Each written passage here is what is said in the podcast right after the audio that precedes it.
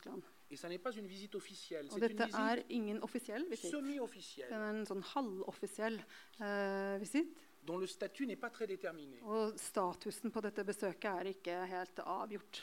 Et où tout ça nous est montré aux actualités filmées sous un registre euh, détendu. Eh, og dette blir altså vist på, em, på Filmavisen i en ganske sånn avslappet Ils tone. vont, ils vont notamment visiter ensemble une sorte de zoo.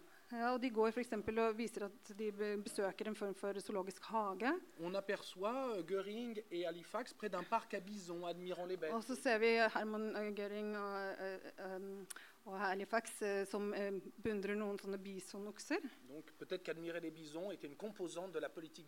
Kanskje, dette, kanskje det var en bevisst strategi, det at man skulle kontemplere disse bisonoksene. At det skulle mytene. C'est une scène où, cette- où la proximité. Men det er, et, eh, det er, en, det er noe veldig eh, pinlig og, og, og eh, ubehagelig i, i denne iscenesettelsen. Elle, elle est d'autant plus pénible que, évidemment, quand on est écrivain, on est attentif à certains types de détails. Og eh, når man er forfatter, så er man jo oppmerksom på visse detaljer som da gjør en spesielt brydd. Et, et notamment, l'écriture a, a toujours été très attentive au, au costume, à la description, à, Ja, og- au- à l'équipage. Og man er jo opptatt av å beskrive ikke sant, hvordan kostymen kostymene er, hestene, vognen osv. Or là, ce que je vois à ce moment-là et qui arrête mon attention, enfin qui produit une sorte de gêne, Det jeg ser, og som eh, plutselig fanger oppmerksomheten min, og som, som fremprovoserer en slags brydhet hos meg, ce sont deux hommes a priori totalement dissemblables. det er eh, to, eh, to menn som eh, qui sont très, eh, Dissemblables, différents, som er veldig, opposés. veldig forskjellige, altså motsetninger av hverandre. Lord Halifax est un type très grand, très mince, très raide. Og eh, lord Halifax han er veldig eh, høy og tynn og veldig eh, stram i figur. Oui, c'était pas du tout un rigolo, si vous Han var ingen morsom kar. Il est vraiment dans la contention. Han er i, i, spenningen. Ça, ça se Det holdt, physiquement. Og det kjenner du i liksom hvordan han holder kroppen sin. Il, il est d'ailleurs d'une d'une maigreur euh, Han très er particulière. très, euh, veldig spesielt eh, mager. il y a une sorte de sobriété aussi de- Ja, du vêtement. er en sånn- han er veldig sober også i måten han kler seg på. Il fait très peu de gestes. Eh, han, det er veldig få gester. Eh, Han er veldig stram og holdt. Et puis à côté de lui, Göring, eh bien, c'est tout le contraire. Og så har du Herman Göring, som er motsatsen. Som, litt som Hæland og Halland, på en annen måte. Euh, Göring, euh, non seulement bon, est, est physiquement très différent d'Halifax, mais surtout, il est très, euh, il n'est pas avare de gestes. Og Göring, ikke bare at han er veldig sånn, fysisk annerledes enn enn, eh, Halifax, han er også veldig, har også mye gester. C'est même une personnalité un peu histrionique que Göring, Histrionik, eh, C'est-à-dire, er, eh, qui se met en scène. Ja, han er en for- slags person som iscenesetter seg selv. Ce jour-là, dans le petit film, il est habillé avec une veste de cuir et il a un poignard à la ceinture. Og denne dagen så har han på seg en, lær, en skinn, skinnjakke og en, um, en kniv uh, i beltet. Vous imaginez la scène aujourd'hui, par exemple, au G20, voyez, où Du kan un jo tenke deg at en un statsoverhode på G20 har eh, en stor kniv i beltet. Et il porte aussi un chapeau avec une plume de pan. Og så har han altså en stor hatt med en sånn um, påfuglfjær i. Donc, euh, on pourrait évidemment ne pas y prêter attention, mais on peut se dire tout de même que, Man au kunne fond, latt dette passere, men, que ce détail pose une question. men denne detaljen den stiller jo et spørsmål. C'est-à-dire justement, précisément, parce qu'ils sont si différents, on peut se demander, mais qu'est-ce qui les rassemble? Fordi de er så forskjellige, så f- tvinger spørsmålet seg fram. Hva er det som forener disse to? Alors du coup, je me suis euh, dit, je devrais lire les mémoires d'Halifax.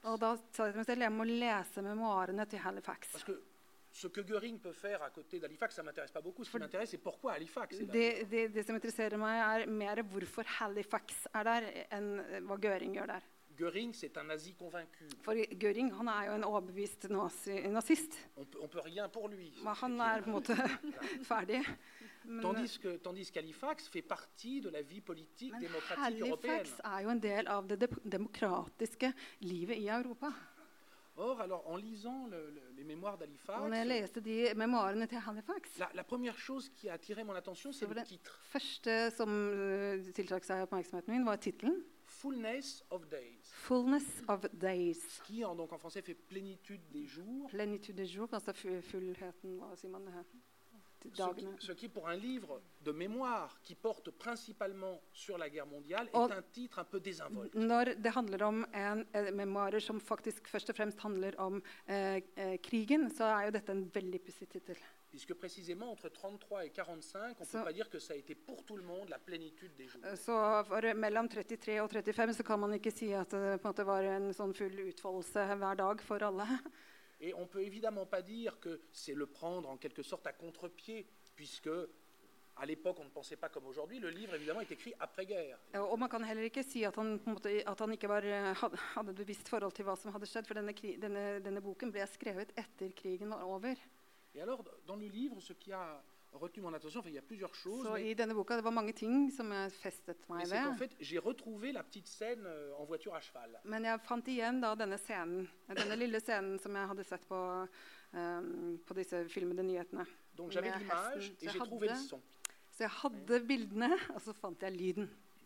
Et le, le son, c'est donc Halifax qu'il donne après-guerre et qui écrit Og la, lyden er også det Halifax forteller etter at krigen er over. la visite qu'il a rendue aussitôt après à Adolf Hitler lui-même. Eh, og, og det, han forteller også om, om eh, visitten han avla Adolf Hitler like etterpå. Donc là, fait euh. Så forteller om en scene som er ganske bisarr. De la, de la Så når han går ut av eh, dette kjøretøyet foran Berghoff, så ser han ned på bakken. et il nous dit J'aperçus une paire de chaussures. Mais il n'emploie pas le mot Så sier han eh, og, og, og jeg la merke til et par sko, eller han sa ikke sko. Il emploie le mot pumps en anglais. Han sier ordet 'pumps' på C'est-à-dire engelsk. des grolles, des, des, altså n'a- des souliers, slags tøfler. des chaussures de mauvaise qualité. Altså med dårlig kvalitet. C'est presque de l'argot. Det er nesten litt sånn slang måte å uttrykke seg på. Et il nous dit qu'à ce moment-là, il aperçut des pantalons mal taillés. Et évidemment, comme nous tous, quand on aperçoit des pantalons mal taillés, il se dit c'est un serviteur venu m'accueillir. Det han tenkte i seg selv, da, er at når han ser et menneske som er så dårlig kledd, så tenker han umiddelbart at dette handler om en tjener. Et il dit qu'à ce moment-là, il sort de la voiture et il tend son manteau au serviteur. Så det han gjør da når han går ut av eh, kjøretøyet, er at han gir frakken sin til denne tjeneren. et qu'il entend une voix rauque lui dire C'est le Führer. Og så hører han en hes stemme som sier det er der Führer. Et donc à ce moment-là, il dit Je levais les yeux et j'aperçus Adolf Hitler. løftet jeg blikket, og jeg oppdaget foran meg Adolf Hitler. Donc on voit bien que dans une scène racontée dans les mémoires d'un homme d'État, c'est tout de même tout man- à fait curieux. Jeg oppdager da at en slik scene, fortalt av et statsoverhode eh, i sine memoarer, er eh, virkelig noe helt annet. Alors, pour finir aussitôt, cette scène m'a donné envie Så for å avslutte, så Denne scenen var det som gjorde at jeg fikk lyst til å skrive. Alors d'abord sûrement pour de mauvaises raisons, euh, Sann, sannsynligvis for, ut, av, ut fra parce que c'est une scène évidemment, euh, dårlige grunner. fordi d'abord dont j'avais tous les détails, jeg hadde jo en scene hvor jeg hadde alle detaljene. qui m'était racontée par le principal coupable, Og ça som s'appelle des aveux en justice. altså ble, var fortalt av den, den som det faktisk angå, angikk. Et puis c'était une scène qu'on pouvait raconter d'une façon extrêmement caustique. euh, Og det er en scene man kan mm, fortelle på en veldig ja, eh, frivolsk måte, eller eh, morsom måte. Mais en fait, évidemment, la bonne raison, c'est que quand on écrit, euh, si, si j'écris en tout cas des livres, c'est parce qu'en écrivant, je comprends des choses que je ne comprendrais pas en lisant. Ja, det, Årsaken til at jeg skriver, er at når jeg skriver, så forstår jeg ting på en annen måte. Eller jeg forstår ting som jeg ikke ville forstått hvis jeg hadde lest. Et donc, en, en l'écrivant, j'ai j'ai compris quelque chose du rire qui m'avait secoué en lisant ce passage. Så jeg forsto noe om latteren som jeg ikke hadde forstått før, når jeg bare leste denne passasjen. J'ai compris qu'en quelque sorte, mon rire était comme coupé en deux, qu'il avait deux rires. Jeg, forstod, jeg, fikk en opplevelse at latteren min på en måte var delt i to. At det var to former for latter. Dans- le premier rire était adressé à Hitler. Je, Den første latteren henvendte seg til Hitler. je me moquais de lui en compagnie d'Halifax. At jeg på en måte gjorde narr av han i kompani, eller sammen med Halifax. Et je me moquais de la maladresse d'Halifax. Og, og jeg gjorde narr av hvor eh, klumsete og klønete Halifax var i situasjonen. Men den andre latteren den var litt mer penibel. Fordi at den var en litt sånn brydd eh, latter. Puisqu'au fond, Halifax se moque d'Hitler pour la seule raison For pour laquelle nous ne voudrions pas nous moquer de lui. For Halifax han eh, gjør narr av Hitler den, av den ene grunnen vi ikke ønsker å gjøre narr av han på. Il- se moque de lui par mépris social. Han gjør narr av Hitler av sosial forakt. C'est-à-dire, Ça n'est pas Halifax qui se moque d'Hitler. Det er ikke C'est le, Halifax som gjør narr av Hitler. c'est le petit comte d'Halifax qui se moque Det er d'Hitler. den, den lille altså adelsmann Halifax som gjør narr av Hitler. C'est l'aristocrate qui se moque de celui qui n'a pas de chaussures er anglaises. aristokraten som gjør narr av han som ikke har engelske sko. C'est le, le personnage de la gentry britannique qui se moque de celui qui n'a pas fait tailler ses vêtements en det er eh, adelsmannen altså, som, eh, som også gjør narr av han som ikke har fått skreddersydd klærne sine hos en engelsk skredder. Et en, en écrivant ce passage parmi d'autres, je ne vais pas donner tous les, tous les détails qui se sont alle detaljene, men når jeg skrev denne passasjen, blant andre, je me suis aperçu que ça crée au fond le portrait d'un certain milieu social. så oppdaget jeg at jeg var i ferd med å, å skape et slags eh, portrett av et sosialt miljø. Et que par exemple, l'une des composantes de la subjectivité d'Halifax, Og en av disse komponentene i, til Halifax' subjektivitet, et qui partage avec beaucoup de personnes og de sa som classe han sociale, deler med veldig mange andre som tilhører samme klo- sosiale sjikt, c'était le mépris. var nemlig forakten. Mais qu'au fond, ce mépris avait eu un rôle dans l'histoire. Men at denne forakten har hatt en rolle i historien. Le rôle de ce mépris, c'est que celui, l'homme d'État qui prend son adversaire le plus dangereux, Det var statsoverhodet som tar sin aller farligste motstander. ne serait-ce qu'un instant pour un domestique, Som han tar han bare kun for et øyeblikk. Tar han han for en tjener. Mais les gens qui sont sous sa responsabilité, en quelque sorte, le, le peuple anglais, en grand danger. Men han gjør ved dette, så setter han sitt eh, folk i veldig stor fare. Et on peut dire, pour, pour finir, que d'une certaine manière, Så på en måte skal man si for å avslutte on ne peut pas séparer Så familière du kan ikke på en måte dele, adskille det, det, det subjektive, mm, private livet et la vie politique. og det politi politiske livet. Nous savons tous que, bien sûr, on n'est pas le même au bureau et chez soi, mais enfin, alle, men vi, vi er ikke den samme på jobben som jeg er hjemme. Det er greit. on n'est pas non plus quelqu'un d'autre. Men du er ikke heller en, en annen. Et donc, au fond, on Så peut dire que grunn så kan man si at eh, mellom denne beroligende, eller denne ro, beroligende politikken Jeg vet ikke helt det norske begrepet for det. Det er sikkert noen i salen som vet. Ja, er altså en forsoningspolitikk, da. Forsoningspolitikk med, med nazistene. et l'attitude que je viens de décrire d'Halifax, il y a un rapport. Og det er en, en for, et forhold mellom det og Halifax eh, sin holdning. En fait, on peut même dire qu'elles sont homogènes, Vi kan til og med si at de er homogene.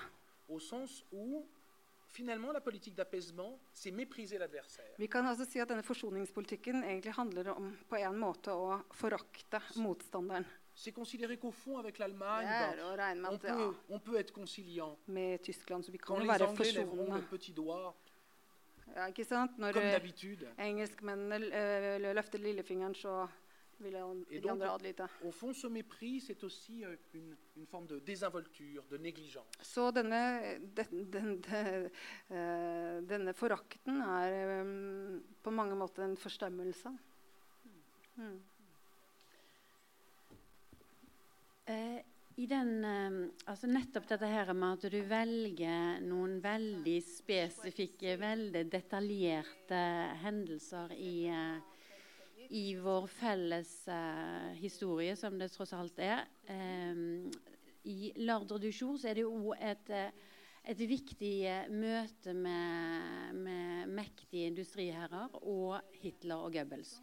Og det er en eh, nesten sånn komisk, absurd skildring av eh, eh, invasjonen i Østerrike, der eh, Hitler får problemer med eh, altså en motorstopp og en, en trafikkork. Eh, hva har liksom vært intensjonen nesten med å, å punktere et altså En kan jo ikke kalle det et glansbilde av Hitler, men Hitler har jo blitt stående som en Kanskje mest via film, så du òg problematiserer altså disse her eh, propagandafilmene. At de har fått lov til å være med på å vedlikeholde en type seier. Så du, det virker som du er ute etter å punktere.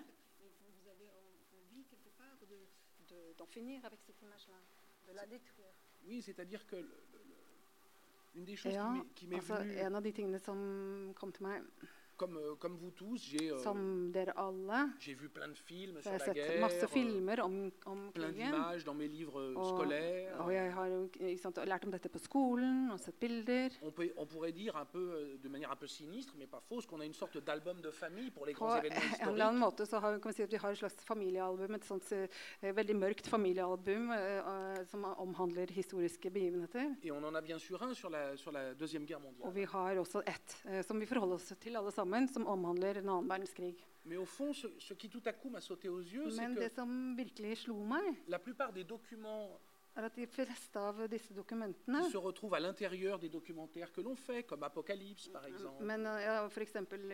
L'Apocalypse, le film. Le film, ja, oui, den oui. filmen Ap- Apokalypse. euh, ou dans les livres d'histoire, Eller i historiebøkene.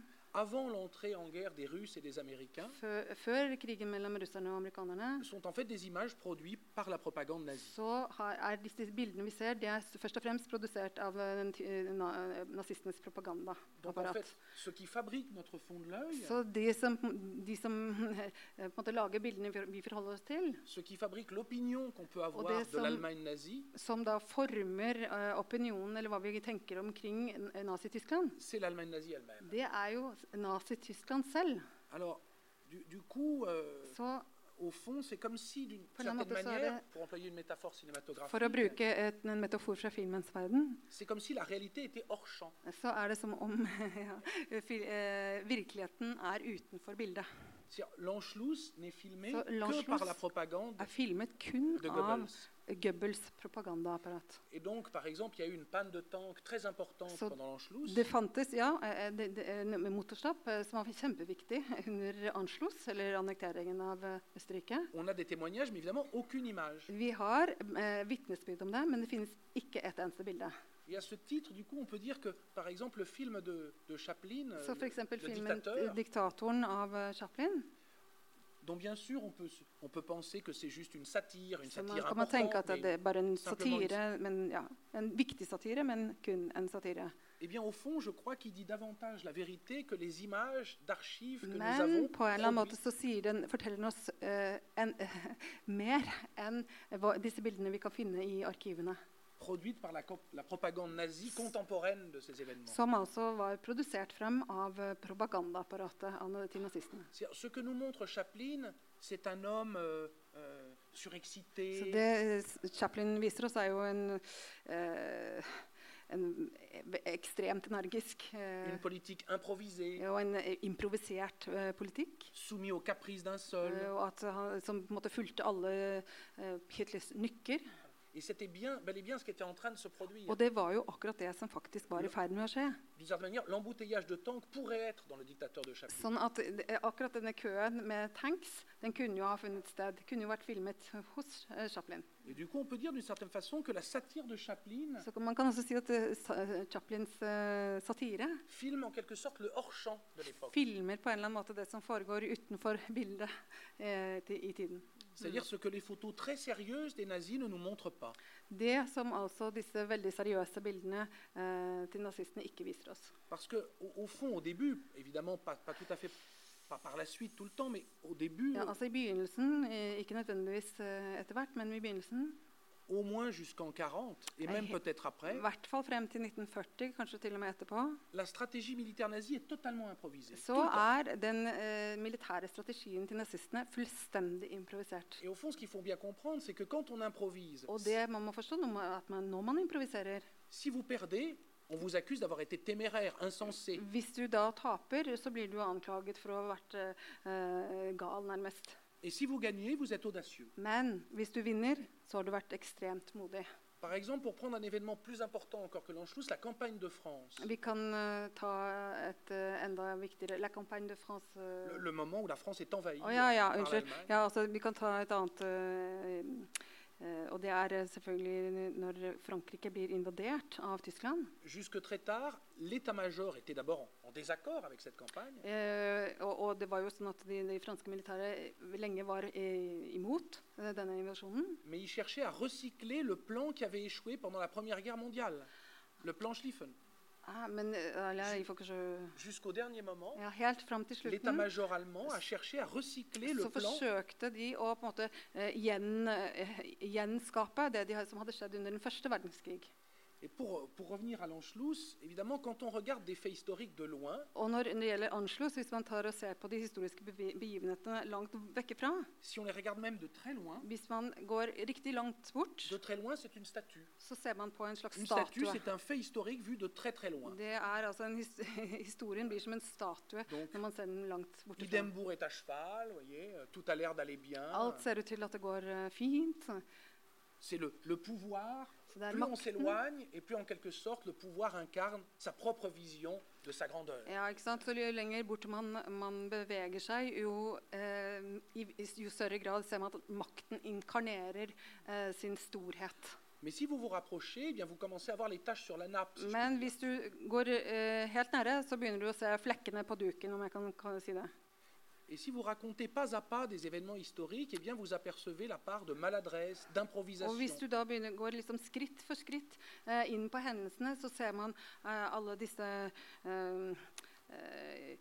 Misforståelsene og, og klønetheten som også kan uh, finnes. Alors pour que chacun puisse mesurer la part d'improvisation de l'Anschluss, Også for at alle skal kunne liksom innse virkelig i hvilken grad Anschluss var improvisert. prendrai un exemple Så kan jeg parmi ta parmi beaucoup d'autres. eksempel, et eksempel som blant mange.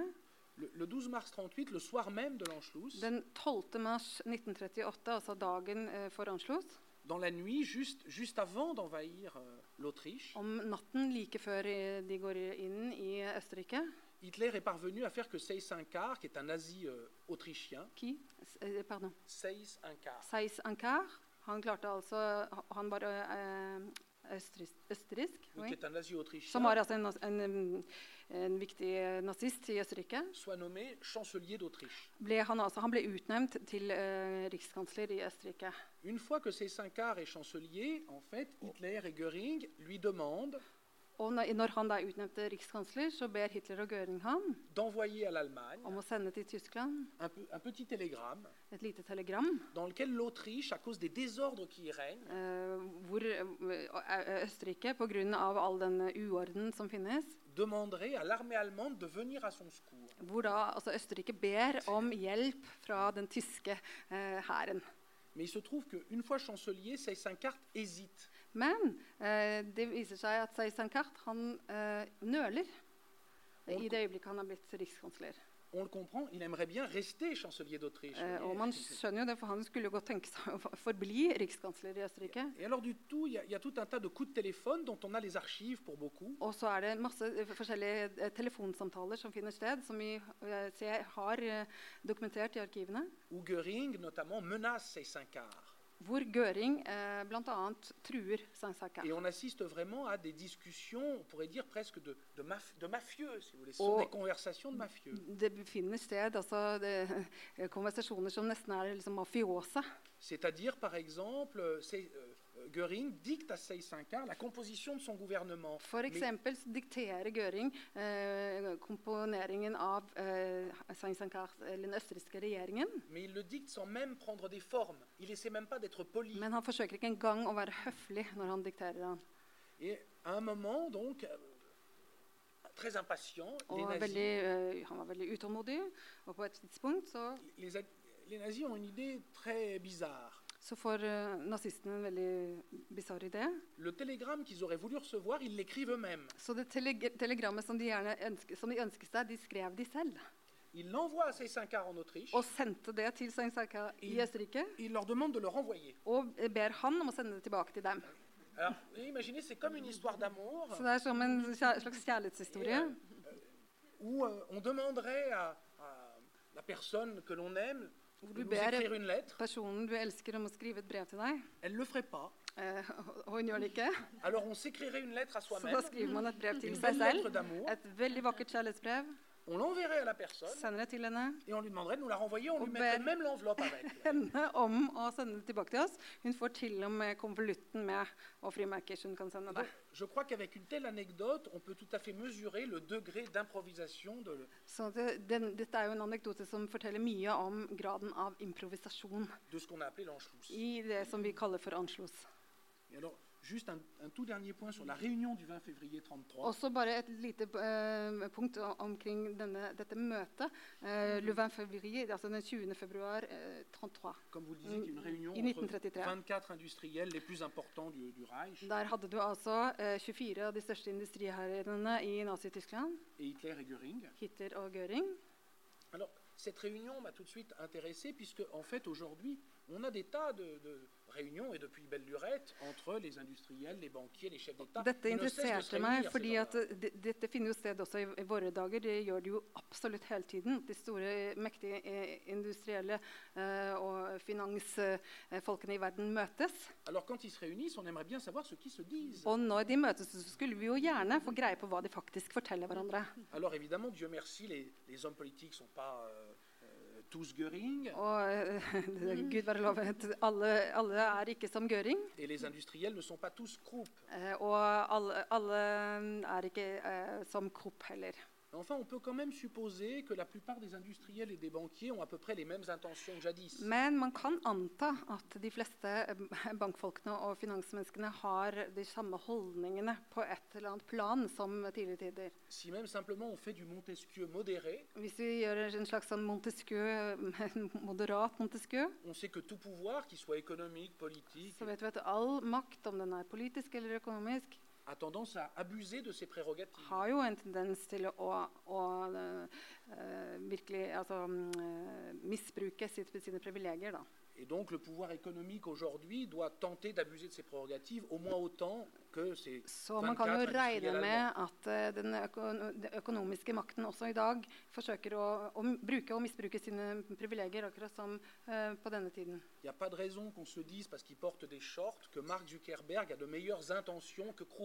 Eh, det er ikke sikkert at selv om Mark Zuckerberg har, bruker shorts, at han har noen eh, bedre eller mer edle intensjoner enn Krupp. D'ailleurs, on a tout de même vu récemment qu'avant de parler au Congrès américain pour des faits quand même assez problématiques, Og vi så ti tidligere, for å snakke i, foran den amerikanske kongressen om eh, veldig problematiske saker, ces communicants avouaient qu'il avait pris des cours de modestie. så, eh, så avslørte eh, PR, eller arbeiderne hans at han hadde altså gått på kurs i ydmykhet. Halifax aurait dû en prendre. Halifax burde ha gått på et sånt kurs. Il n'en a pas pris. Det gjorde han ikke. Mais donc, euh, vous voyez, prendre des cours de modestie, c'est quand même très curieux. det å gå på et ydmyk-kurs, det er jo en ganske pussig ting. At det faktisk eh, eksisterer, er jo eh, også veldig talende. Men det er veldig pussig å faktisk si det. Fond, Mark Zuckerberg han forsøker, eller tilstår på en måte at han ø, forsøker å, å, å lure Kongressen. Og forsøke å fremstå mer sympatisk enn det han faktisk er. Alors j'admets que Krupp, lui non plus, n'avait pas pris de cours de modestie. Coop hadde heller ikke eh, tatt noen ydmyk, eh, eh, kurs i ydmykhet. Mais enfin, on, on voit donc qu'il n'y a peut-être pas tant de différence qu'on croit entre une réunion jadis euh, entre Göring, Hitler Men man et des kan jo da se og anta at det ikke er nødvendigvis så stor forskjell eh, i, i disse møtene eh, mellom store eh, ja, maktinstanser. Et qu'en tout cas, le pouvoir des industriels s'étant encore accru, og at eh, siden den tid så har jo også industrien og industriherrenes eh, posisjon blitt enda sterkere. leurs désirs étant les mêmes, Eh, og deres på en måte, ønsker eller begjær er de samme. au fond, tout dépend de leur interlocuteur. Så alt kommer an på hvem de forholder seg til. Si on prend n'importe quel livre portant sur n'importe quelle famille de grands industriels, on les Hvis du tar en hvilken som helst bok om en hvilken som helst stor industrimagnat, on les aperçoit tous invariablement så eh, ser man eh, hver gang sur le perron de leur maison, ja, så ser man de avbildet foran huset. recevant tous les dictateurs de la planète. Ja, at de hver gang mottar de alle verdens diktatorer. Et alors, du coup, sur ce 20 février 33, Så når ce, det que ça- gjelder i forhold til den 20. feb februar ce qui est 1933 intéressant, c'est qu'aujourd'hui, je ne pourrais pas m'introduire du tout dans ce genre de réunion. Det som er jo da interessant, er jo at Eller jeg vil jo ikke kunne eh, snike meg inn i eh, disse møtene i dag. Ce sont des réunions dans lesquelles il est d'ailleurs en général interdit de prendre des notes. Og dette er jo, for dette er jo møter hvor det som regel er forbudt å ta notater. Mais à l'époque de Gustav Krupp ou de euh, Gunther Quandt, on ne Men pouvait pas interdire à På ce genre denne tiden, uh, under Gustav Krupp, uh, så kunne man ikke forby on pas leur interdire de prendre des notes. ja, Man kunne ikke forby dem å ta notater. Et comme la guerre, Dieu merci, a été perdue par les Allemands, eh bien, il y a eu un procès, Og- plusieurs procès, Eh, ettersom Gud, takk være Gud at eh, denne krigen også ble eh, De tapte jo. eh, og at det, fant, at det var rettsoppgjør i etterkant. On a donc procédé à des interrogatoires.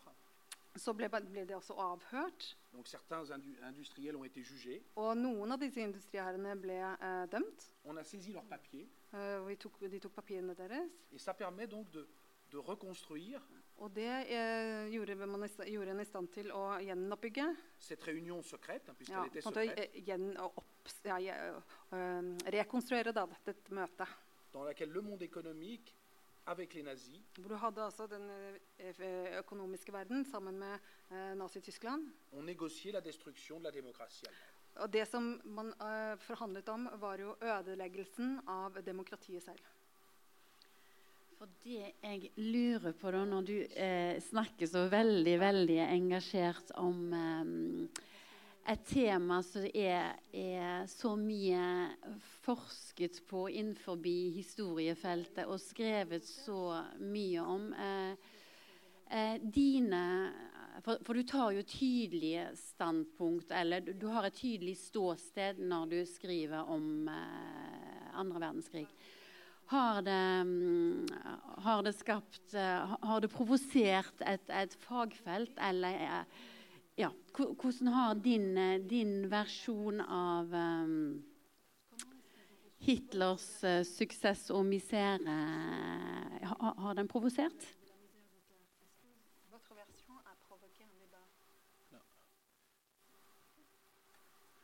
Il y a- il y a deux choses. Elle, elle a suscité une réaction des groupes d'abord. ja, det, først og fremst så fikk jeg en reaksjon fra Kropp. Puisque les groupes ont aujourd'hui, comme beaucoup d'industriels, une fondation. Fordi at det er en stiftelse som, mange, eh, som er, ofte finnes i industriens verden. C'est un moyen de faire hériter ses enfants sans payer trop d'impôts. Fordi det er en måte eh, at barna kan arve deg uten at de betaler for mye skatt. Et donc, ils soutiennent la science, les arts. Sånn at de, de støtter vitenskapen og kunsten. Et donc, euh, je suis allé j'avais été à Essen faire des recherches. Så jeg var i Essen for å, å, å mm, bedrive research. on m'avait accueilli très gentiment. Donc j'avais décidé d'y retourner euh, pour présenter le livre. En Et donc là, quelqu'un de très aimable qui organisait la rencontre Og så var det en veldig vennlig person som organiserte dette møtet. avait eu l'idée bizarre, Som har en veldig bizarr idé. parce que j'aurais refusé, For det ville jeg ha, eh, ha nektet for. de me faire venir à la Fondation Krupp pour parler de mon livre. Ja, de fikk meg altså til å gå til eh, eh, stiftelsen eh, Krupp for å snakke om boken min til dem. Det ville jeg jo eh, ha nektet for, for av to årsaker. Parce que je, je, je refuse d'être dans un cadre de ce type, c'est-à-dire où- Euh, for une jeg- industrie lourde, ønsker ikke å bli, bli invitert i den type kontekster med en sånn veldig tung industri voilà, eh, som har eh, produsert kanoner og stål. i- brusquement aurait une vocation artistique. Og så at de, de plutselig skulle fått en slags interesse for eh, kunsten. Mais en plus parce qu'aujourd'hui, comme je le raconte à la fin du livre, aujourd'hui encore sur le site, Men som jeg forteller på slutten av eh, boken eh, Pardon? Comme je le raconte dans le livre, à la fin du livre, Som jeg forteller altså på slutten av boken, là, aujourd'hui encore sur le site de la Fondation ThyssenKrupp, eh, så på, på dette stedet hvor stiftelsen Kropp eh, fi- eh, befinner seg, la guerre euh, mondiale est évoquée d'une manière que je ne trouve pas du tout satisfaisante. så, er, eh, så snakker de om krigen på en måte som jeg virkelig ikke finner ti- tilfredsstillende. C'est-à-dire, L'essentiel du propos consiste à nous faire pleurer Så man, de forsøker eh, Det vesentligste er å få oss til å gråte.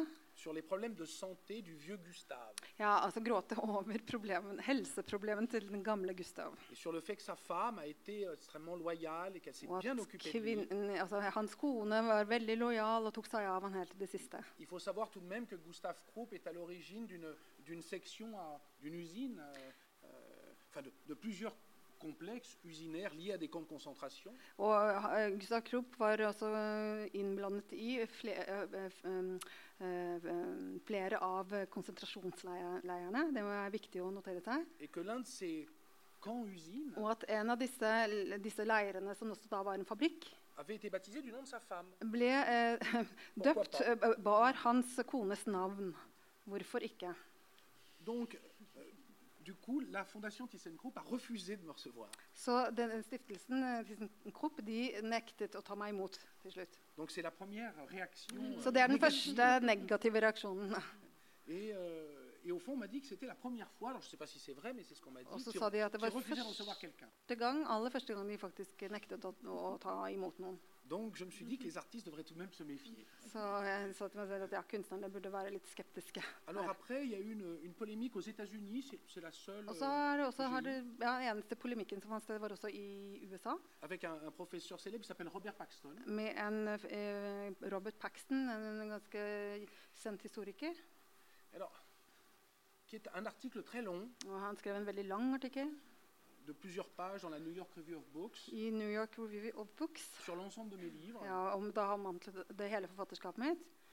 et qui, alors, c'est très difficile, c'est- Paxton, en fait, parle essentiellement du 20 février 33, Ja, og Paxton han snakker først og fremst om eh, det 20. 20. februar 1933. et de manière assez habile, il a l'air de dire Og på en ganske eh, snedig måte så ser han ut til å si at at, eh, at, de, at de, disse store industrimagnatene hadde ansvar for uh, at Hitler kom til makten. Men det er jo ikke tema, tema for boken min.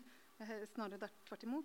Si le livre commence le 20 février 33, donc après qu'Hitler ait accédé au pouvoir, quand il est déjà son chancelier, Eh, at eh, Boken starter altså den 20. februar 1933, dvs. Si etter at Hitler kom til makten. et s'il commence par cette réunion avec ces industriels, Og det at den begynner med dette møtet mellom disse industriherrene, c'est préci- c'est précisément parce que ces industriels-là, pour la plupart, ne sont pas des nazis convaincus. det er jo nettopp fordi at de aller fleste av disse industriherrene ikke var eh, overbeviste nazister. C'est ce point qui m'intéresse. Og det er det punktet som interesserer meg. Parce que si c'était des nazis convaincus, bon, For om de var eh, overbeviste nazister, ja vel, le fait qu'ils aident ensuite Hitler à s'installer serait At en de quelque da- sorte logique. da ville det være logisk at de faktisk hjalp Hitler eh, opp og fram. Et ça nous dirait pas grand-chose sur notre temps. Men det vil ikke fortelle oss noen ting om vår tid. Mais ce qui est beaucoup plus inquiétant, c'est Og det qu'au som er mye contraire, mer ce sont des bekymringsfullt, conservateurs pour er la at plupart. dette er eh, konservative mennesker, først og La fremst. plupart d'entre eux ne sont pas du tout au parti nazi. Ils Oh. le seront après. Og de, de fleste av dem eh, tilhører ikke på dette tidspunktet eh, nazistpartiet. Det, det gjør de senere. Men det er økonomiske interesser som gjør at de eh, eh, støtter nazistenes sak. Så det er jo en eh, ikke sant? Det er denne kynismen som strukturerer den økonomiske verden. Så når man gjør økonomiske studier fortsatt i dag,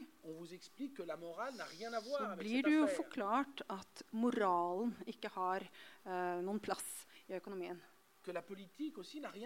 Og heller ikke politikken har noe, uh, har noe sånn plass i, i økonomien. Så de, ja, de største økonomiske tenkerne eh, forklarer at vi trenger mindre stat, mindre politikk. Så det som strukturerer den økonomiske tankegangen, det er effektiviteten. Et très efficace. Så ja, det var veldig effektivt å eh, støtte nazistenes sak. Donc. Så det er ikke en personlig angrep i den forstand. Det er mer å type de forsøke å forstå hvordan fungerer et slikt møte.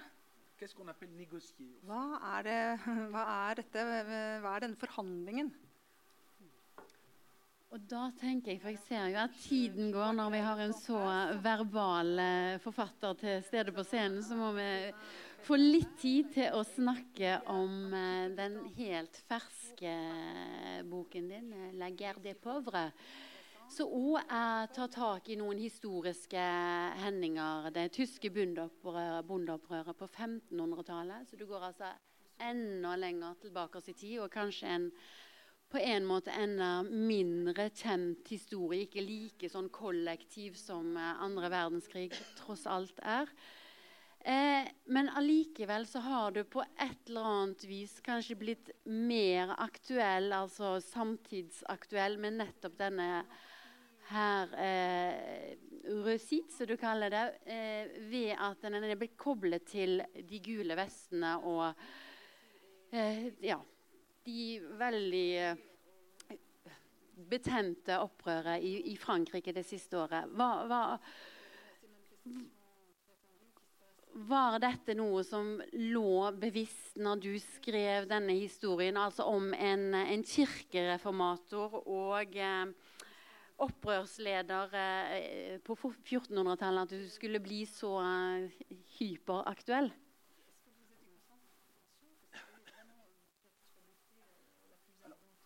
J'ai écrit le livre bien avant le, jeg skrev denne boken lenge før uh, disse demonstrasjonene med gulvestene. Men den kom ut uh, på det tidspunktet. ja. Fond, euh,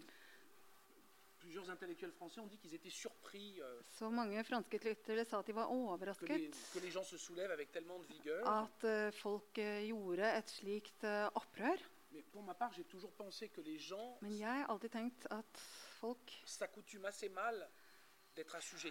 venner seg veldig dårlig til uh, å være en slags form for ja, slaveri, trelldom. Og man venner seg også veldig dårlig til uh, ulikheter når det er du som blir utsatt for dem. Donc on est évidemment toujours surpris par les événements, le moment où ils se produisent, la forme qu'ils prennent. alltid overrasket over hendelsen når de skjer, og hvilken form det antar. Mais le fait que les classes populaires et moyennes euh, en France aujourd'hui se, se soulèvent Men at folket, de folkelige, altså både middelklassen og, og, og, de lavere lagene, at de gjør opprør nå Non seulement ça, m'a pas étonné, mais ça m'a réjoui. Det ikke bare overrasker meg, men det gleder meg. Alors, le, le, à ce moment-là, évidemment, on, on, regarde toujours le, le passé, même si j'ai écrit le, Man ser jo, avant. Selv om jeg hadde beskrevet denne boken før, Så var det jo, de, altså de, de økonomiske betingelsene uh, var jo fortsatt de samme. Et donc, la, la première chose qui m'a, puisqu'on regarde toujours l'histoire depuis le présent, Ettersom vi alltid ser på historien fra vår egen nåtid, ce qui m'a frappé et donné envie d'écrire, og det som slo meg, og som gjorde at jeg fikk lyst til å skrive, avant tout, c'est l'aspect extrêmement hétérogène du det, mouvement social de 1525. Det var nettopp dette veldig sammensatte eh, bildet av altså, eh, sammensattheten i dette opprøret, den opprørermassen. Les gens qui se soulèvent à ce moment-là sont For de som gjorde opprør da, det var, det var bønder, det var små handelsmenn, artisans, eh, håndverkere, mineurs, eh, gruvearbeidere des, des og eh, ref, eh, reformerte teologer. Og det, denne bevegelsen har to uh, navn i Tyskland. Vi snakker om bondeopprøret. Men vi snakker også om opprøret til den vanlige mann. Og det er det uttrykket som, som slo meg, som tiltrakk meg Parce- min oppmerksomhet. Parce Så på en eller annen måte i dag l'époque de d'une klasse sosial très consistante comme le prolétariat est terminée. ja, så er det jo slik at den, den veldig liksom, eh, ensartete befolkningsmassen som vi kalte for proletariatet, det er over. On peut dire que l'assujettissement, la pauvreté sont transversales à des classes assez Så at denne på en måte, den trelldommen eller, som, som mange opplever at de står i, den, eh, den uh, går gjennom flere klasser og flere befolkningsgrupper. Et donc il m'a semblé que de ce point de vue-là, cette révolte de 1525 n'était pas sans rapport avec quelque chose aujourd'hui. Så jeg opplevde ja at eh, dette bondeopprøret, dette, dette opprøret til den vanlige mann, eh, står i et, mm, en sammenheng til eh, hva vi opplever i dag, ja. Et l'autre point qui m'a Og det andre punktet som interesserte meg, i 1525, à la différence de la Révolution française, i, til forskjell fra den franske revolusjonen, så hadde de ikke en ny uh, ideologi eh, tilgjengelig for dem. Jean-Jacques Rousseau, le I- siècle, I, i, eh, under den franske revolusjonen så hadde de Jean-Jacques Rousseau, qui est au fond, on dirait que tout ça a été écrit pour la Révolution française. som på en eller annen måte skrev altså for den franske revolusjonen. C'est d'ailleurs pas faux. Ja, det er ikke helt usant. alors qu'en 1525, les gens ont le christianisme, Så, med det, men i 1525, det folk har, det er kristendommen. c'est-à-dire un vaste système idéologique très Det ancien. er et veldig gammelt og sammensatt system, Et donc, on ideologisk system. On peut dire que le protestantisme d'abord, Så protestantismen aller først c'est une réaction qui consiste à dire aux théologiens catholiques, er jo en reaksjon som da består i å si til, eh, til teologene, de katolske teologene à la hiérarchie de l'Église, og i, til ki- kirkens hierarki en quelque sorte, vous trahissez les principes du christianisme. man, De blir fortalt at de på mange måter eh, forræder de kristne prinsippene. Tekstene forteller én ting, og dere gjør det motsatte. Og Det er derfor at det er så avgjørende at Bibelen oversettes til, eh, til, til de vulgære, altså til språkene som tales, talespråkene. Så alle og enhver skal uh, være i stand til å kontrollere i teksten. le degré ou pas de trahison du texte par ceux qui euh, prennent la parole. I hvilken grad de som tar til orde, forråder det som står i teksten, eller ikke. Og her er det slik at protestantismen innfører en, en demokratisering av tanken i den kristendommens eh, budskap. et nous, et à l'imprimerie, Og så hadde vi jo også eh, trykke, boktrykkerkunsten, som eh, fantes nå tilgjengelig. Og det skapte virkelig store eh, problemer for eh, den katolske kirken. Men hva gjør gulvestene i dag når de gjør opprør? De kan ikke lenger vende seg mot marxismen, som ikke lenger finnes tilgjengelig. For-. Man kan ikke igjen eh, blåse liv i marxismen, for det eh, Sovjetens unions oppløsning er så, skjedde for så kort tid tilbake. Så- Som de kristne på 1600-tallet.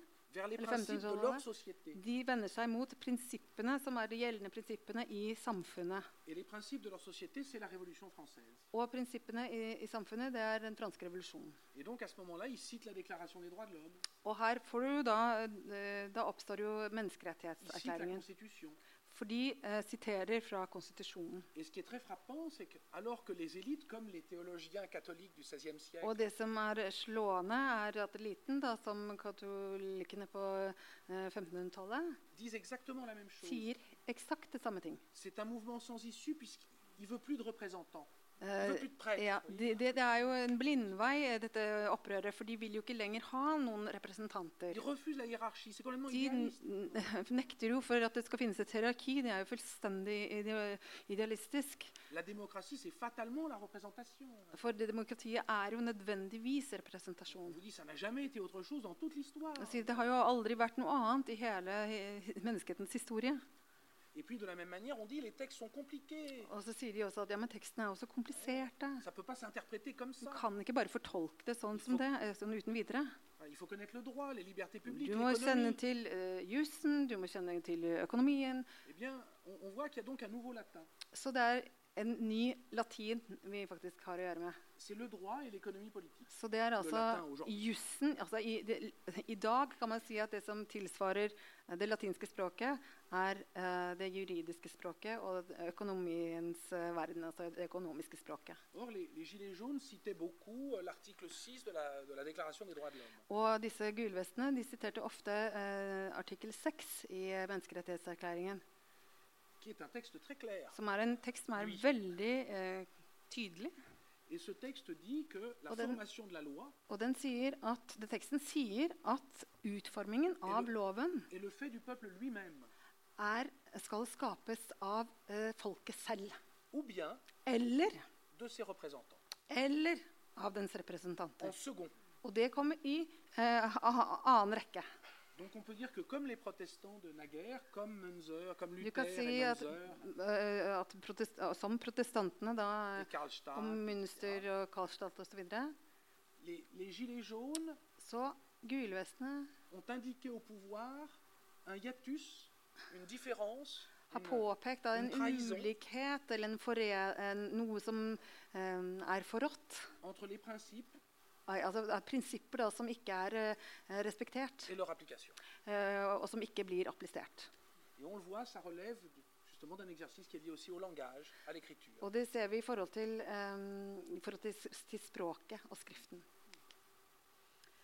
Men ut ifra det, og når du skildrer de gule vestenes um, parallell til opprøret på 1500-tallet, så kan en jo få inntrykk av at det blir en veldig sånn Hva skal jeg si En heroisering av opprøret. Og det er vel mer komplisert enn en som så.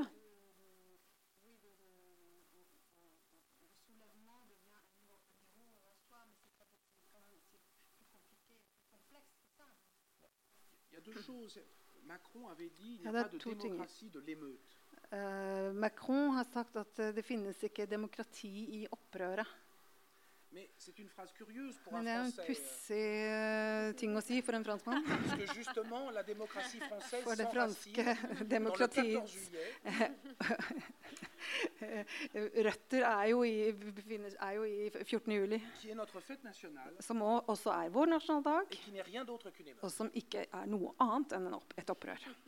Det er ikke noe brudd uten, sans que précisément au pouvoir, uten at, ved ja, uten at en, måte, en utvendig grense blir satt. Limite, euh, Og denne grensen, den eneste grensen for makten, det er alltid en del av folket. Og jeg sier ikke at disse to periodene er eh, helt altså identiske, langt derifra. Éloignées Eh, euh, Mens tankegods var eh, veldig langt jaunes. eh, gulvestenes. Mais en tout cas, le- tout d'abord, le souci d'égalité est Men-. Men det som måte går gjennom tiden, og som er likt, er disse tankene om likhet. Je pense qu'il existe chez l'homme une pulsion égalitaire. Jeg tror at det finnes en, hos mennesket en uh, impuls eh, til likhet. Ja, det, altså, I den betydning at den som blir utsatt for uh, urettferdig behandling eller ulikheten, ønsker jo ikke å bli utsatt for det. Så når jeg, da jeg skaper et, et forhold mellom disse to periodene, så er det fordi at bunn og grunn l'histoire toujours depuis une position donnée. så ser vi jo alltid på historien ut ifra et visst ståsted.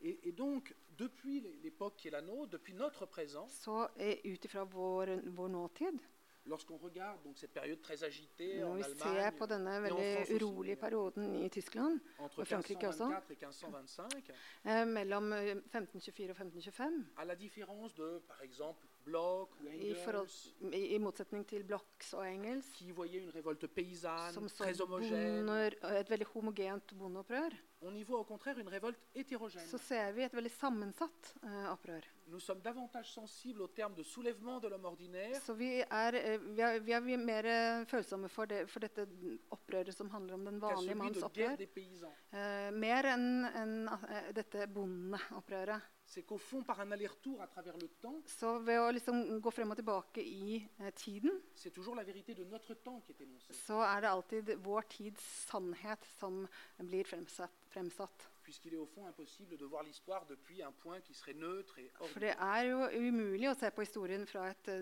et eh, tidsløst, eh, nøytralt sted. Eh, jeg er litt usikker nå på, på tiden, men jeg tror kanskje at eh, vi må, må nærme oss en avslutning. Jeg har lyst å avslutte med et eh, litt sånn rent litterært spørsmål, men som knytter seg til historien allikevel. Det har vært veldig spennende å høre på dine engasjerte utlegninger om de historiske. Og er det veldig bevisst at eh, benevnelsen på dine siste bøker at det ikke står eh, roman eller roman, med, men eh,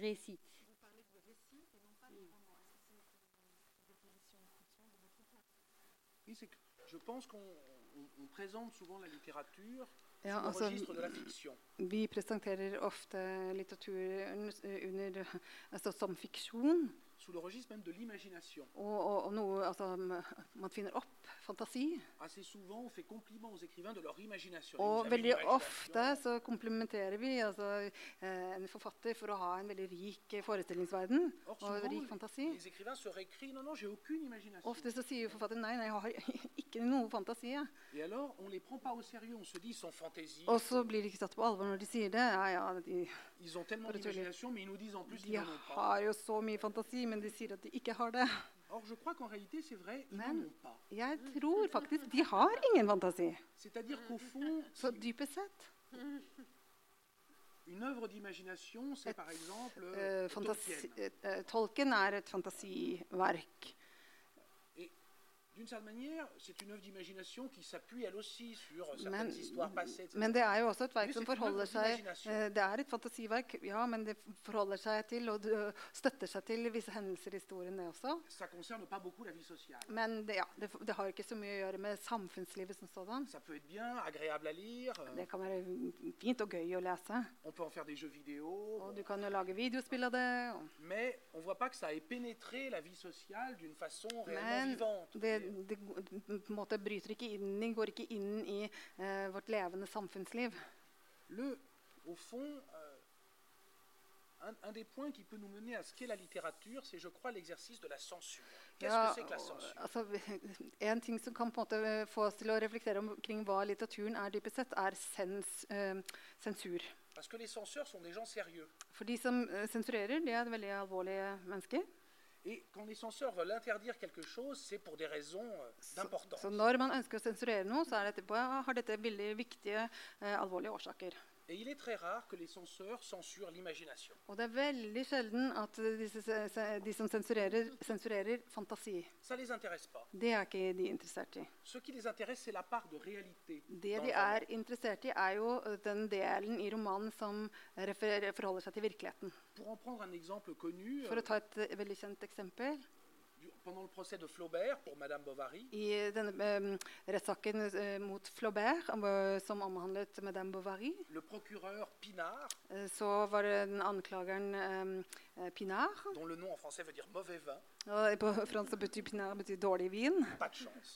Det var uheldig for han. Dans un pays où y a bon I eh, et land hvor det er så mye god vin.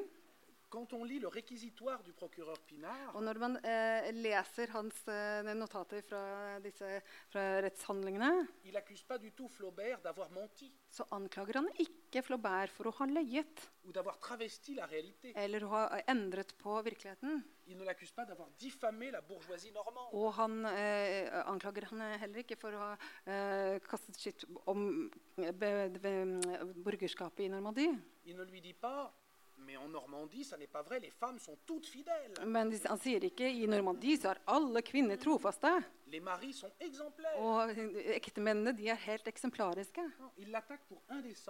Nei, han eh, blir eh, anklaget for usømmelighet. Og hva er usømmelighet? Det er å vise seg som man er, og det gjør man ikke. Så det som han, eh, Pinard gjør i Madame Bovary, er ikke romanen. Det er eh, fortellingen.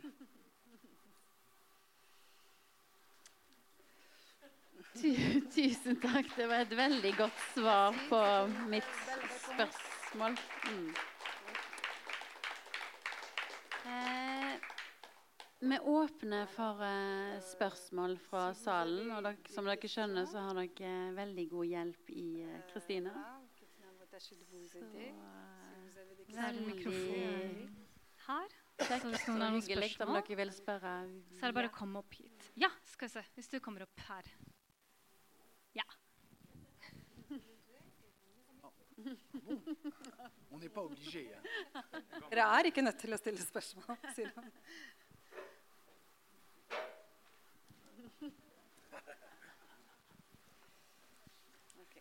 Eh, ja, jeg vil gjerne Jeg kan snakke norsk, kan jeg ikke det? Jo. Men Eh, litt, ikke for fort, sånn at Kristine får Ja. ja. eh, ja. Eh, jeg vil gjerne kommentere litt og stille et par spørsmål til den siste boken, 'De fattiges krig'. Eh, og jeg må bare først si at jeg syns det var en meget god bok. Veldig fascinerende å lese. Utrolig spenning og, og sug og driv i teksten. Veldig, veldig fascinerende å lese. Og jeg likte særlig hvordan du kombinerte din egen fortelling med sitatene fra Münzer. Det var håndtert på en utrolig fascinerende måte. Så, så det, men jeg satt jo hele tiden og Nå har du jo sagt en del selv om det jeg hadde tenkt å spørre om. Men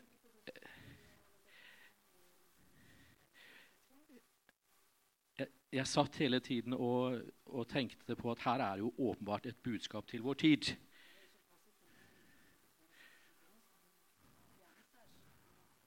Veldig. Og jeg leste jo eh, nærmest da et, som, eh, det, som en, eh, teksten din også som en, som en oppfordring om, om permanent opprør.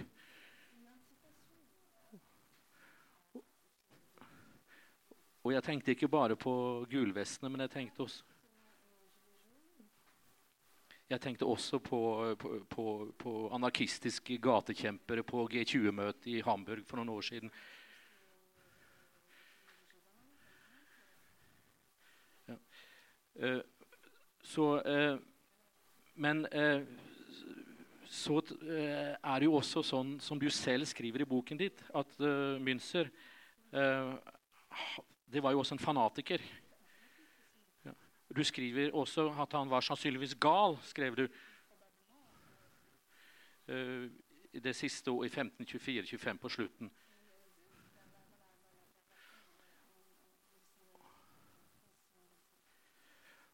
Og hvordan kan en fanatiker, en gal mann, eh, ha et budskap til vår tid?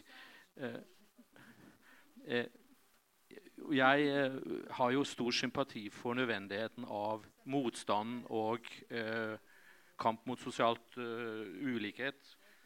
Ja. Eh, men eh, jeg er litt usikker på hva de konkrete implikasjonene eller betydningen av det er.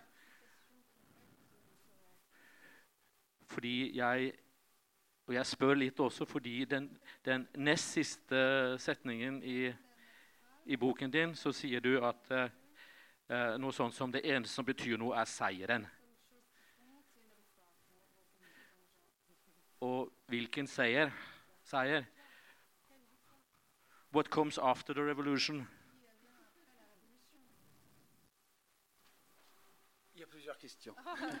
Der var det mange spørsmål. Merci. Tusen takk. Alors, la, la première chose... Ja, uh,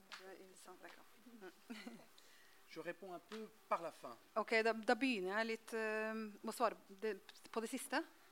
Sur le, le fanatisme de, de Münzer. I forhold til uh, det, fanat, det, fanatiske hos Münzer. À cette époque, on peut dire que les fanatiques ne manquaient pas. På den tiden så kan man si at det var ikke mangel på fanatikere.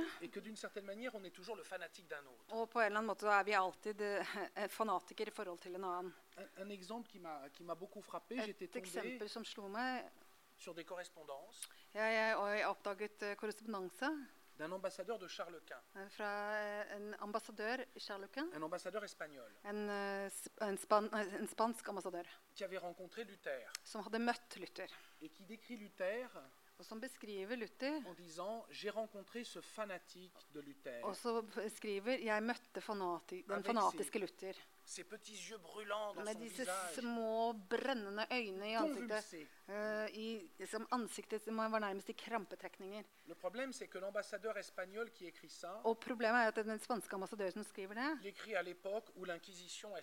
skriver dette under den spanske inkvisisjonen. Est en train d'expulser euh, les, les, euh, derniers juifs d'Espagne. Ja, mens eh, inkvisisjonen er i ferd med å utvise de siste jødene fra Spania. Bon, on peut dire que c'est un jeu à, à trois. Så kan man si at det er et slags À trois spill med dimensions. ja, tre dimensjoner.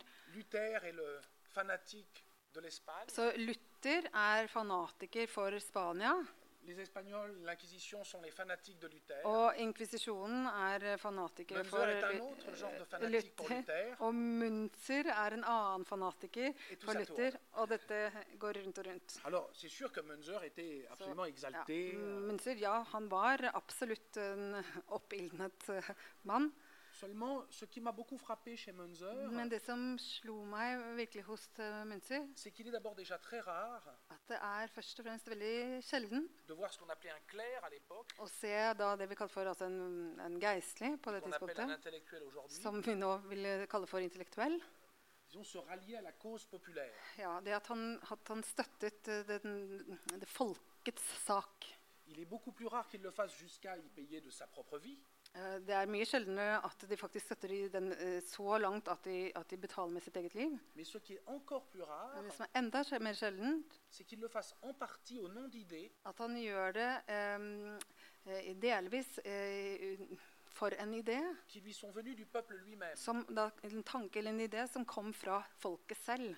C'est-à-dire, ce qui est très intéressant chez Münzer, c'est qu'il est réformé deux fois. Så det som er interessant hos Münster, er at han blir reformert to ganger.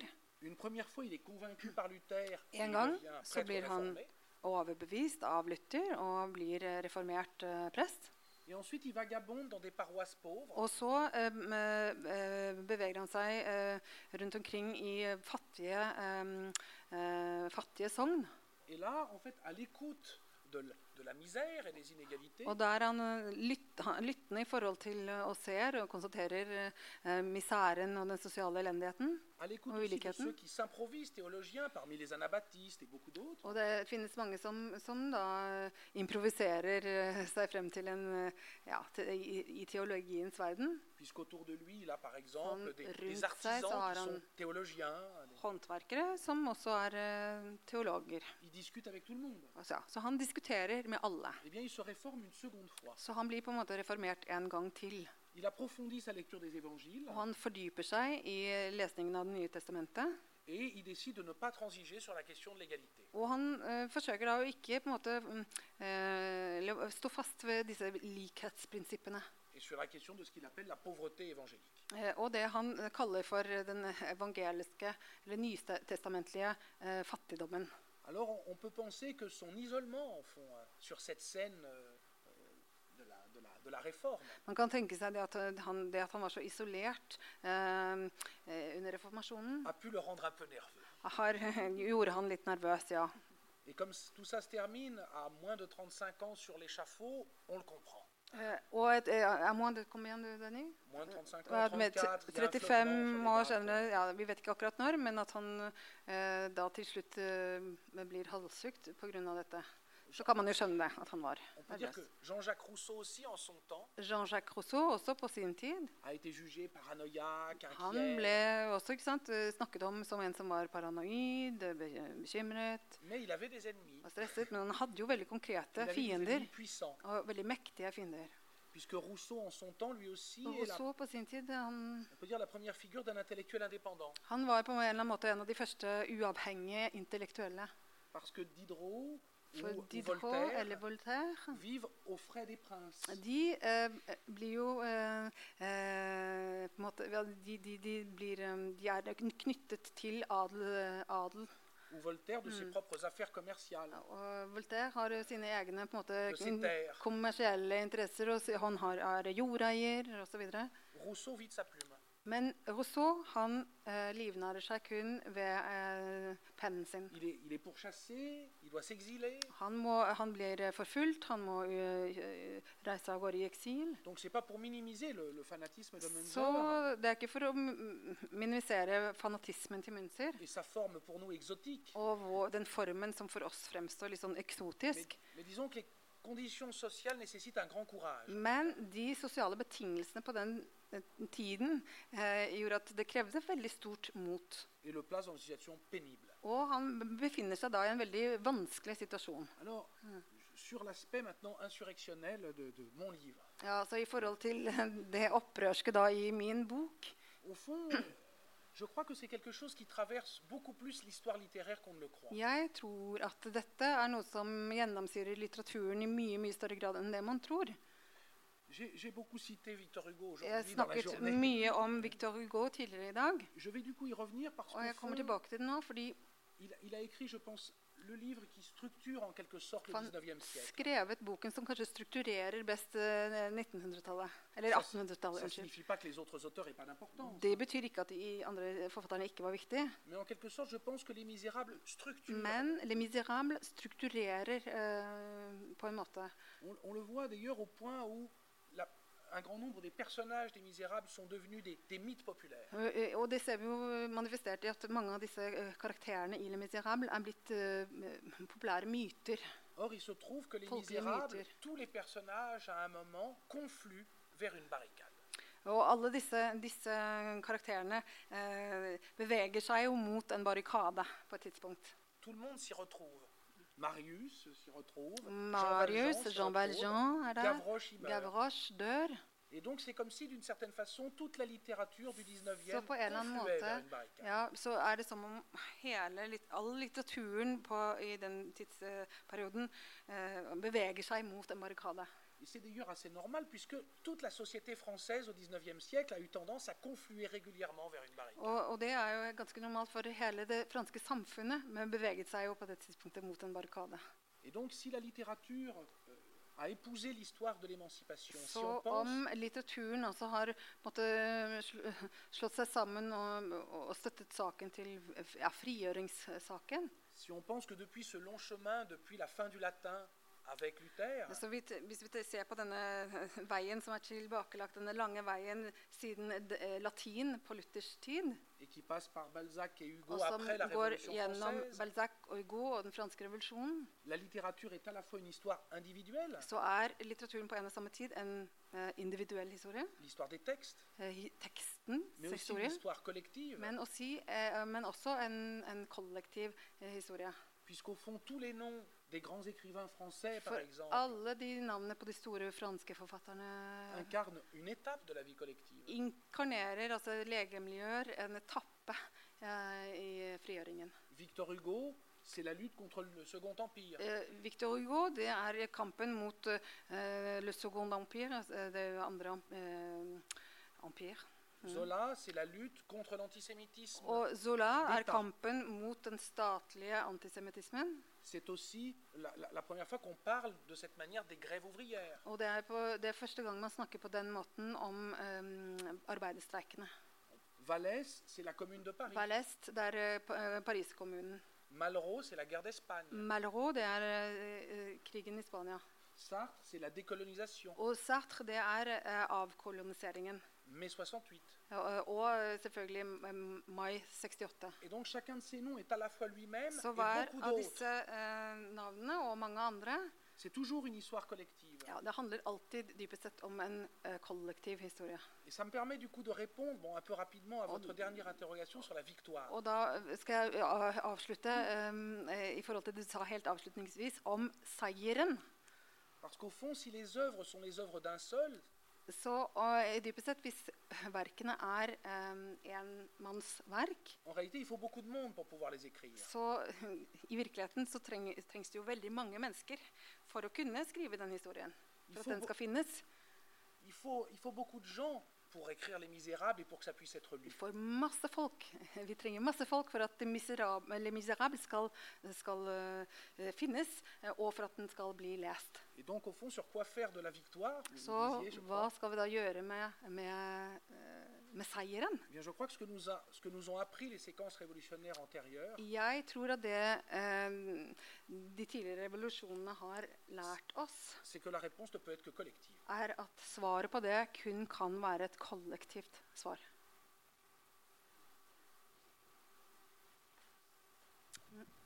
Eh, Ja, skal vi se. Det var det en foran der.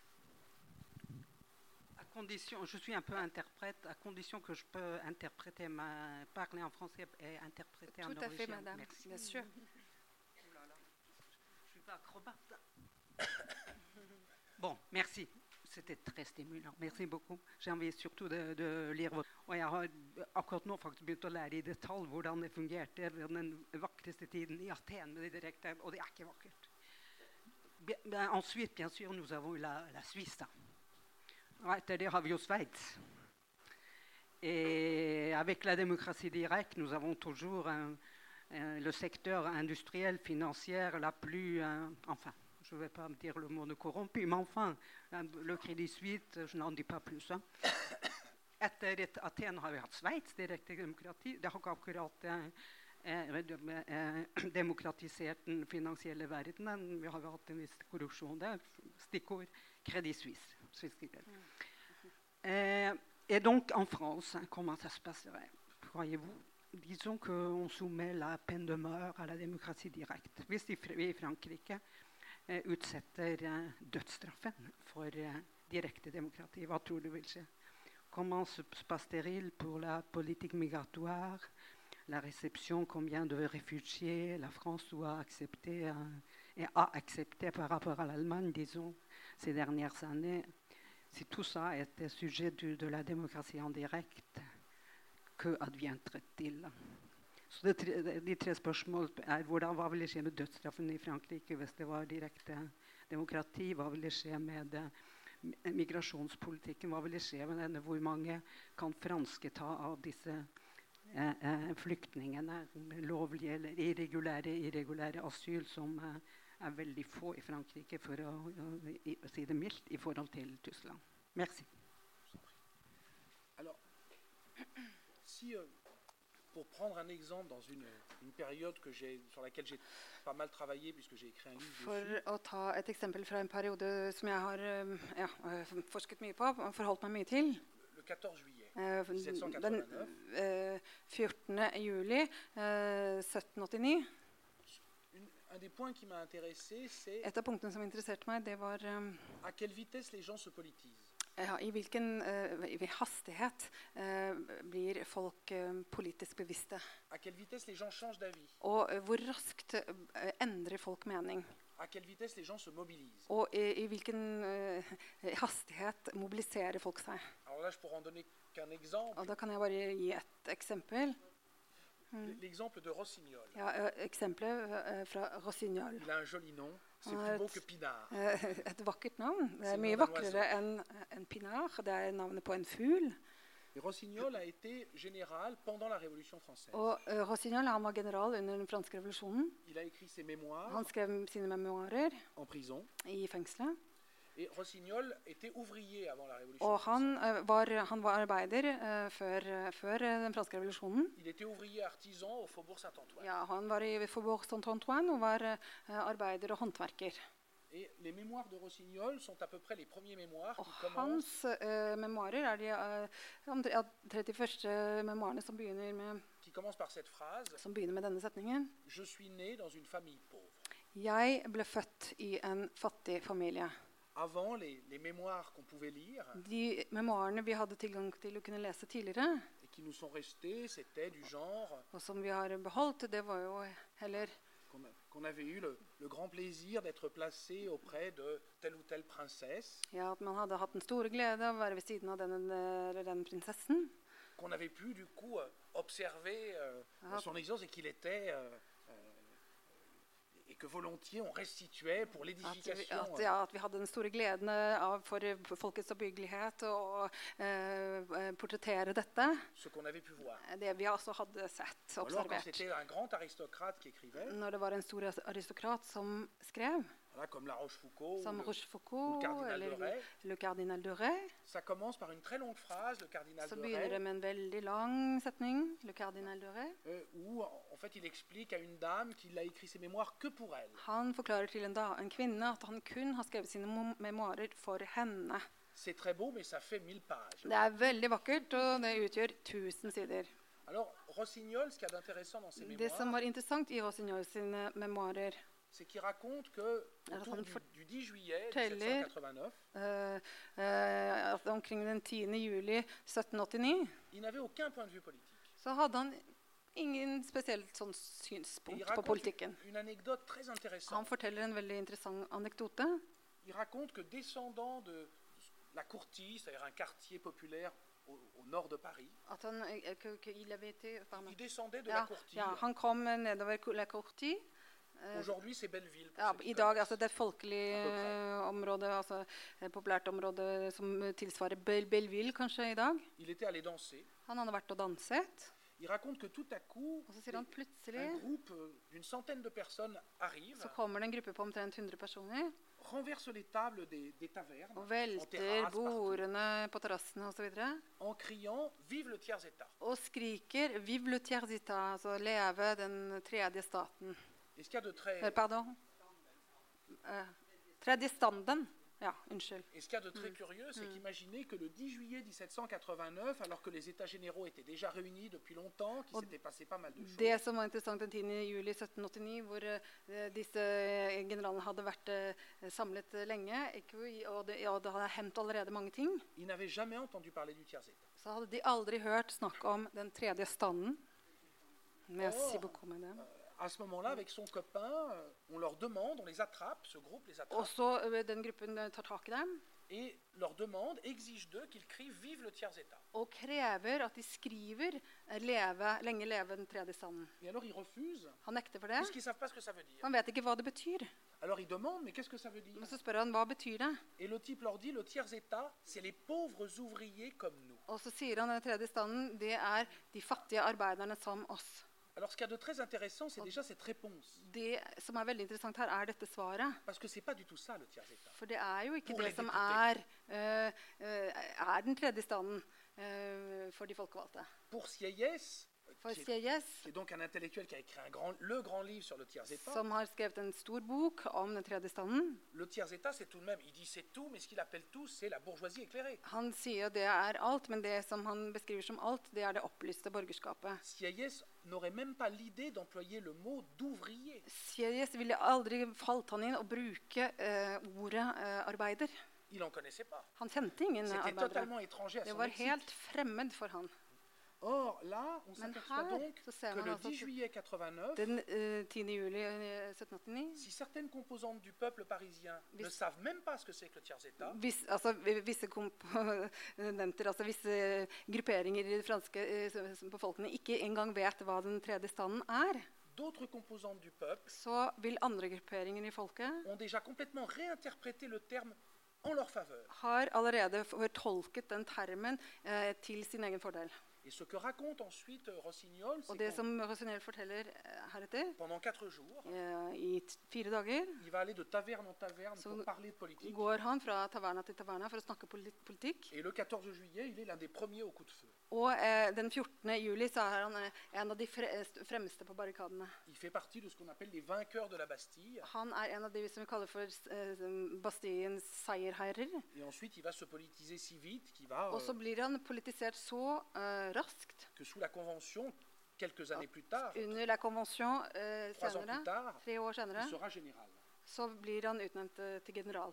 Donc, je peux pas répondre entièrement à votre question qui est, qui est complexe, Så jeg kan ikke svare fullt og helt på ditt spørsmål, som er veldig komplekst. ça signifie que ce que Men det betyr at qu'un processus euh, collectif, en kollektiv prosess, révolutionnaire, comme on l'appelle, en revolusjonær en, en prosess, l'occurrence, eh, som vi har å gjøre med her, est un processus qui modifie les gens. som er, er jo altså en mm, prosess som endrer folk. Je crois qu'on sait à peu près tous, quand on a participé, je sais pas, à quelques mouvements collectifs que ce soit, Vi har jo alle hatt en opplevelse av å være en del av en, kanskje en, en kollektiv bevegelse eller en eh, hendelse. qu'on n'est pas le même au début et à la fin. At du ikke er den samme eh, når det startet som når det sluttet. Si donc on allait vers une démocratie plus directe aujourd'hui, Så hvis vi skulle beveget oss mot et mer direkte demokrati i dag, ça serait pas le peuple des sondages ville det ikke være décisions. eh, meningsmålingenes eh, folk som ville ta, disse, ta avgjørelsene. Det ville være folket som hadde klart å tvinge fram eh, et mer eh, et direkte demokrati. Og ettersom det ikke gjøres på én dag, ville dette være, handle om et annet folk. Vi, eh, altså om, når vi snakker om et politisk subjekt.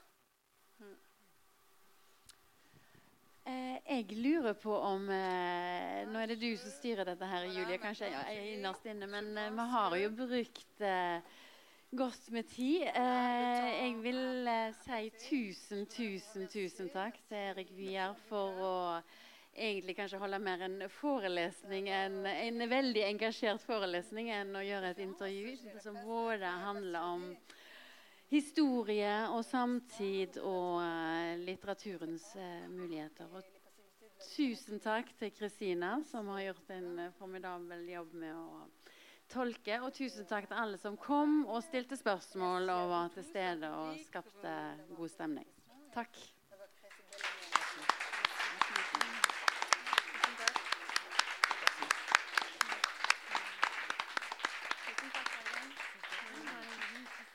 Da vil jeg også på vegne av Litteratur på blå si tusen takk til Erik Viar, Margunn Vikenstad og Kristina Medias. Tusen takk for den utrolig fine samtalen. Og dere i publikum må gjerne bli litt.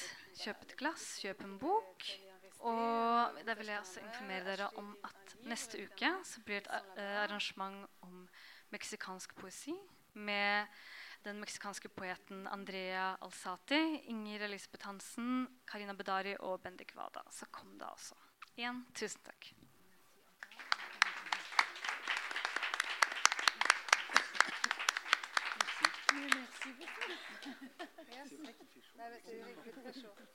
Heureusement que j'avais mis. Ça va, vous n'avez pas été trop chaud quelqu'un qui aiment si bien de, de parler hein, ouais. dire. Oui, en, comme je vous avais dit, je, il me faut du temps toujours pour développer. Ouais. J'ai besoin d'étapes. Euh, donc, les réponses sont toujours longues. et puis, j'essaie de répondre vraiment à vos questions, de ne pas euh, euh laisser de euh, côté un aspect.